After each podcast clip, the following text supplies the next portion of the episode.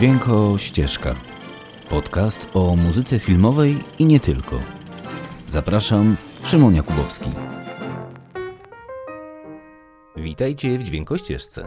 Dzisiaj zapraszam Was na spotkanie z wyjątkową dziewczyną, której niestraszne są ludzkie humory, która nie boi się zaryzykować akcji, wprowadzić najbardziej szalony plan czy znaleźć nietypowe rozwiązanie dla dobra ludzi, których zna. Pamiętacie 2001 rok? Nie? Ja też nie. Ale to był rok, w którym poznaliśmy wszyscy Amelię Poulon. Skromną Paryżankę, której niesamowite przygody obejrzało Bagatela. Tylko we Francji 25 milionów widzów, a film zachwycił cały świat. Budżet filmu był stosunkowo skromny 10 milionów dolarów, bo nikt, ale to absolutnie nikt nie spodziewał się takiego sukcesu po tym filmie. To miała być kolejna francuska produkcja, no może z dystrybucją europejską. Jednak świat oszalał na punkcie tej zwariowanej dziewczynki z grzywką na czole i wpływy z tej skromnej komedii zmiażdżyły box office'y. 175 milionów dolarów na całym świecie wpływów, nagrody publiczności w Edynburgu, Toronto, nawet w Warszawie. To tylko czubek góry, jaką ten film stworzył swoim sukcesem. A soundtrack z tego filmu? No, do dziś to wielki przebój. I nie mówię tu tylko o jednej piosence, która miała promować film. To ponad 2 miliony sprzedanych płyt, dziesiątki nagród, pierwsze listy przebojów. Bo Amelia to zwyczajnie fenomen. Zarówno ścieżka dźwiękowa Jana Tiersena, jak i sam film w reżyserii Jean-Pierre Junet. Chcecie posłuchać o tym filmie więcej? No, to jesteście w idealnym miejscu.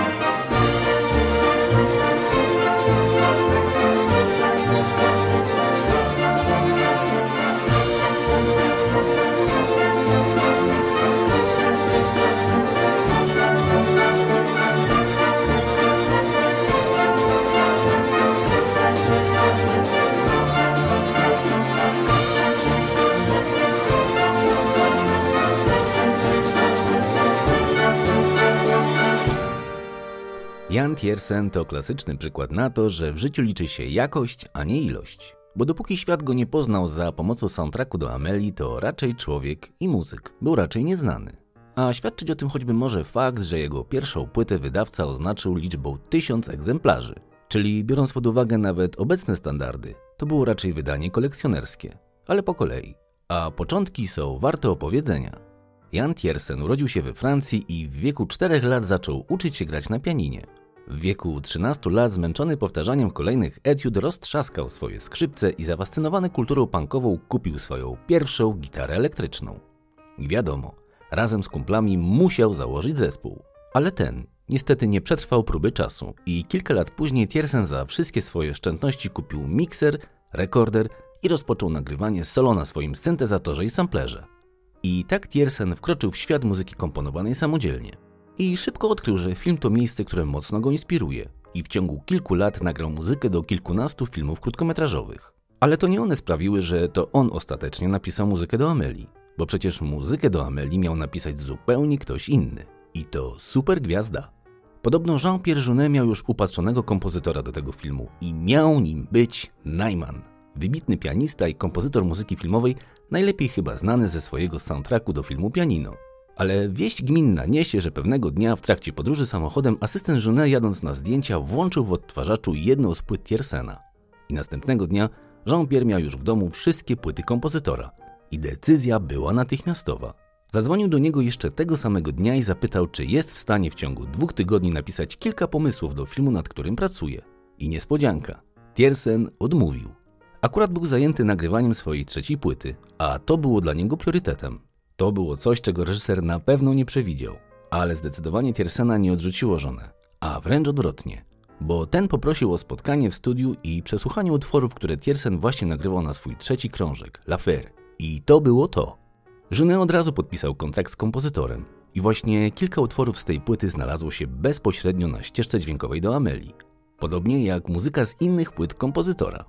I się zaczęło, bo muzyka z filmu Amelia po prostu uderzyła w świat. I świat na chwilę zamarł, bo to było właśnie to, czego świat w tej chwili potrzebował. Miliony sprzedanych egzemplarzy, listy przebojów, koncerty z muzyki ze ścieżki dźwiękowej to w końcu nie jest codzienność kompozytorów filmowych. A tu końca nie było. Sukces gonił sukces. I nie chodzi o to, że ten soundtrack to była jakaś rewolucja muzyczna. Wręcz przeciwnie, w końcu podstawą tej ścieżki dźwiękowej są proste instrumenty, tak znane z kina francuskiego jak akordeon, pianino, klawesyn czy skrzypce. To po prostu chodziło o prawdę, która jak zawsze zwyciężyła. Bo największą zaletą tej muzyki jest prostota i fakt, że doskonale wpasowała się w świat paryskich uliczek i tych oldschoolowych kamienic. Te pianiny oddające przygody bohaterki, a jednocześnie podnoszące tą historię do poziomu współczesnej bajki to zwyczajnie magia. A utwory, które właśnie z powodu tego, że były utworami z płyt Tiersena i miały początek, środek i koniec, stworzyły mieszankę, którą zamiast słuchać jako bezkształtną masę dźwięków ilustracyjnych, słucha się jak płytę. Płytę koncepcyjną, wymyśloną od początku do końca, płytę pełną melodii i tej wspaniałej, bezpretensjonalnej nostalgii za lepszym jutro.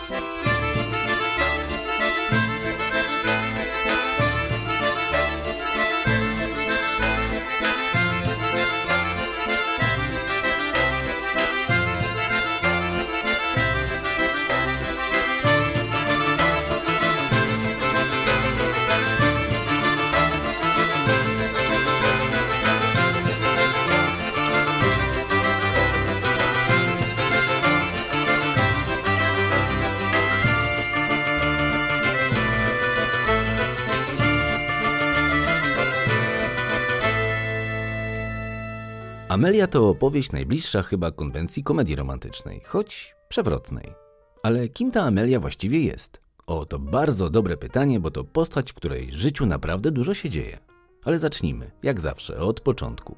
Amelia urodziła się na przedmieściach Paryża i już jako mała dziewczynka zawsze była sama, bez rodzeństwa i rówieśników, a w związku z podejrzeniem poważnej choroby nie chodziła nawet do szkoły.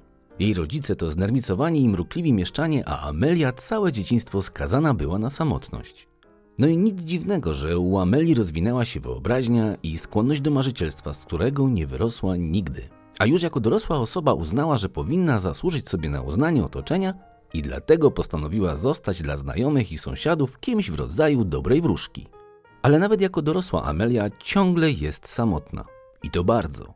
Na co dzień pracuje jako kelnerka kawiarni i mieszka w dużym, pustym mieszkaniu, gdzie wieczorami marzy o chłopcu, dla którego mogłaby gotować, o wspólnych spacerach w parku i w ogóle. Marzy o miłości. I życie toczy się swoim banalnym rytmem do czasu, gdy to Amelia poznaje przedziwnego i tajemniczego młodzieńca, który w jej mniemaniu robi bardzo dziwne i tajemnicze rzeczy ze zdjęciami, które to wygrzebuje spod automatów do zdjęć. Ale to tylko jedna strona tej historii. Bo jak już wspomniałem wcześniej, Amelia to taka piękna dusza, której ciągle mało dobra na świecie. I w związku z tym sama postanawia to dobro na ziemię ściągnąć. Pewnego dnia w swojej łazience odnajduje tajemnicze pudełko, a w nim skarb z dzieciństwa poprzedniego mieszkańca. Dominika Brodoto. Postanawia mu je oddać i widząc szczęście wspomnień, które powraca do mężczyzny razem z zaginionymi w dzieciństwie zabawkami, już wie jaka jest jej misja w życiu. Będzie pomagać ludziom, czy im się to podoba, czy nie. Amelia to baśń. Baśń tocząca się w nieistniejącym miejscu, bo powiedzmy sobie to jasno. Paryż Junet jest niemal równie prawdziwy jak odległa galaktyka. Baśń, której nie powinno się oceniać według prawideł sztuki filmowej, fabuły, gry aktorskiej i tym podobnym. Bo baśń, podobnie jak poezja, nie powinna być odbierana rozumem, lecz sercem, nie logiką, lecz uczuciami. I to do nich właśnie odwołuje się Amelia. Pokazuje ludzi nieprzystosowanych do naszego świata, oryginalnych, szukających czegoś innego, ludzi, których jednak jesteśmy w stanie zrozumieć i, co najważniejsze, jesteśmy w stanie się z nimi utożsamić. To film, który pokazuje, że ludzie tacy jak Amelia i Nino, inni, piękni odmieńcy też mogą być szczęśliwi. A własne szczęście zależy wyłącznie od nas samych i bywa w zasięgu ręki częściej niż się nam wydaje. Polecam Wam ten film. Szczególnie teraz, kiedy wiosna już za progiem, ale wieczory jeszcze zimne i szare. Uwierzcie mi, ten film wniesie kolor w wasze życie. Gadające przedmioty, ruchome obrazy i zdjęcia, magiczne postaci jak człowiek ze szkła, czy ten Paryż bez graffiti i śmieci to miejsce, w które warto zanurkować bez dwóch zdań. Ale najważniejsze jest to, że Jean-Pierre Jeunet, tworząc Amelię, nakręcił film ponadczasowy, zarówno w formie, jak i w sposobie opowiadania. A wszechstronność tej narracji nie sprawia, że film staje się prosty i banalny, ale wręcz przeciwnie. Podkreśla jego wyjątkowość i sprawia, że nawet dziś, prawie 20 lat po premierze, film ciągle jest piękną i ważną historią, która nie straciła swojej oryginalności. Kto tak potrafi, ja się pytam. No kto?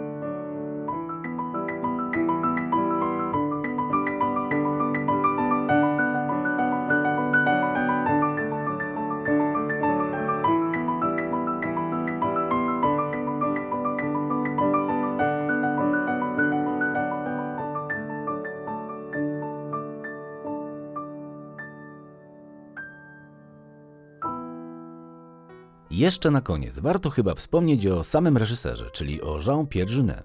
W końcu to chodzący skarb narodowy francuskiego kina. I na pewno można dyskutować z takim podejściem. W końcu jeszcze się taki nie urodził, który by wszystkim dogodził. Ale jeśli chodzi o mnie, to ja jestem wielkim fanem tego pana. I pokochałem go miłością szczerą już od delikatesów. Tej surrealistycznej wizji przyszłości, którą Jeunet zawsze przemyca w zasadzie w każdym filmie. To prawdziwa odwaga w tych czasach być artystą, mieć styl, wiedzieć co się lubi i tworzyć świat, wizję i być sobą. I Genet to właśnie taki twórca. Odważny, skupiony na swoich historiach, z dystansem do siebie i świata, w którym żyje. I ja to bardzo szanuję, panie Genet, i za pana filmy bardzo dziękuję i proszę o więcej. Ale ten francuski reżyser to też wielki fan literatury i właśnie tam znalazł inspirację do Amelii. A mówię tu o książce Filipa Delerma Pierwszy łyk piwa i inne przyjemności. Książce, którą Wam bardzo polecam, bo to książka, która skupia się właśnie na analizie drobnych chwil, które sprawiają, że czujemy się szczęśliwi i na właściwym miejscu. I tu pojawia się refleksja, już nie tylko odnośnie filmu, bo i my w życiu przecież lecimy przed siebie do przodu bez czasu na chwilę zastanowienia, a lata lecą. Więc może dziś, jutro, kiedyś na spokojnie przypomnijcie sobie Amelię tak jak ja ostatnio to zrobiłem i rozejrzcie się dookoła siebie. Znajdźcie coś, co Was cieszy i daje radość bo ten film naprawdę inspiruje do dobra i pozytywnych myśli i do tego też Was chcę zachęcić. W końcu jak śpiewał Marek Grechuta, w życiu liczą się tylko chwile, a te powinny być naprawdę ważne i dobre. Zatem cieszmy się póki możemy i nie mierzmy życia długimi odcinkami. I podobnie jak Amelia, cieszmy się chwilą, miłym spotkaniem, ciekawą rozmową czy dobrym uczynkiem. No dobra, to chyba tyle na dziś. Jeśli lubicie filmy i kochacie soundtracki, szukajmy się w sieci. Trzymajcie się ciepło i do następnego razu. A, i pamiętajcie, na smutki przyjdzie jeszcze czas. Ale to na pewno nie jest teraz. Bo cytując za Amelią, gdy palec wskazuje niebo, tylko głupiec patrzy na palec. Czołem i do usłyszenia.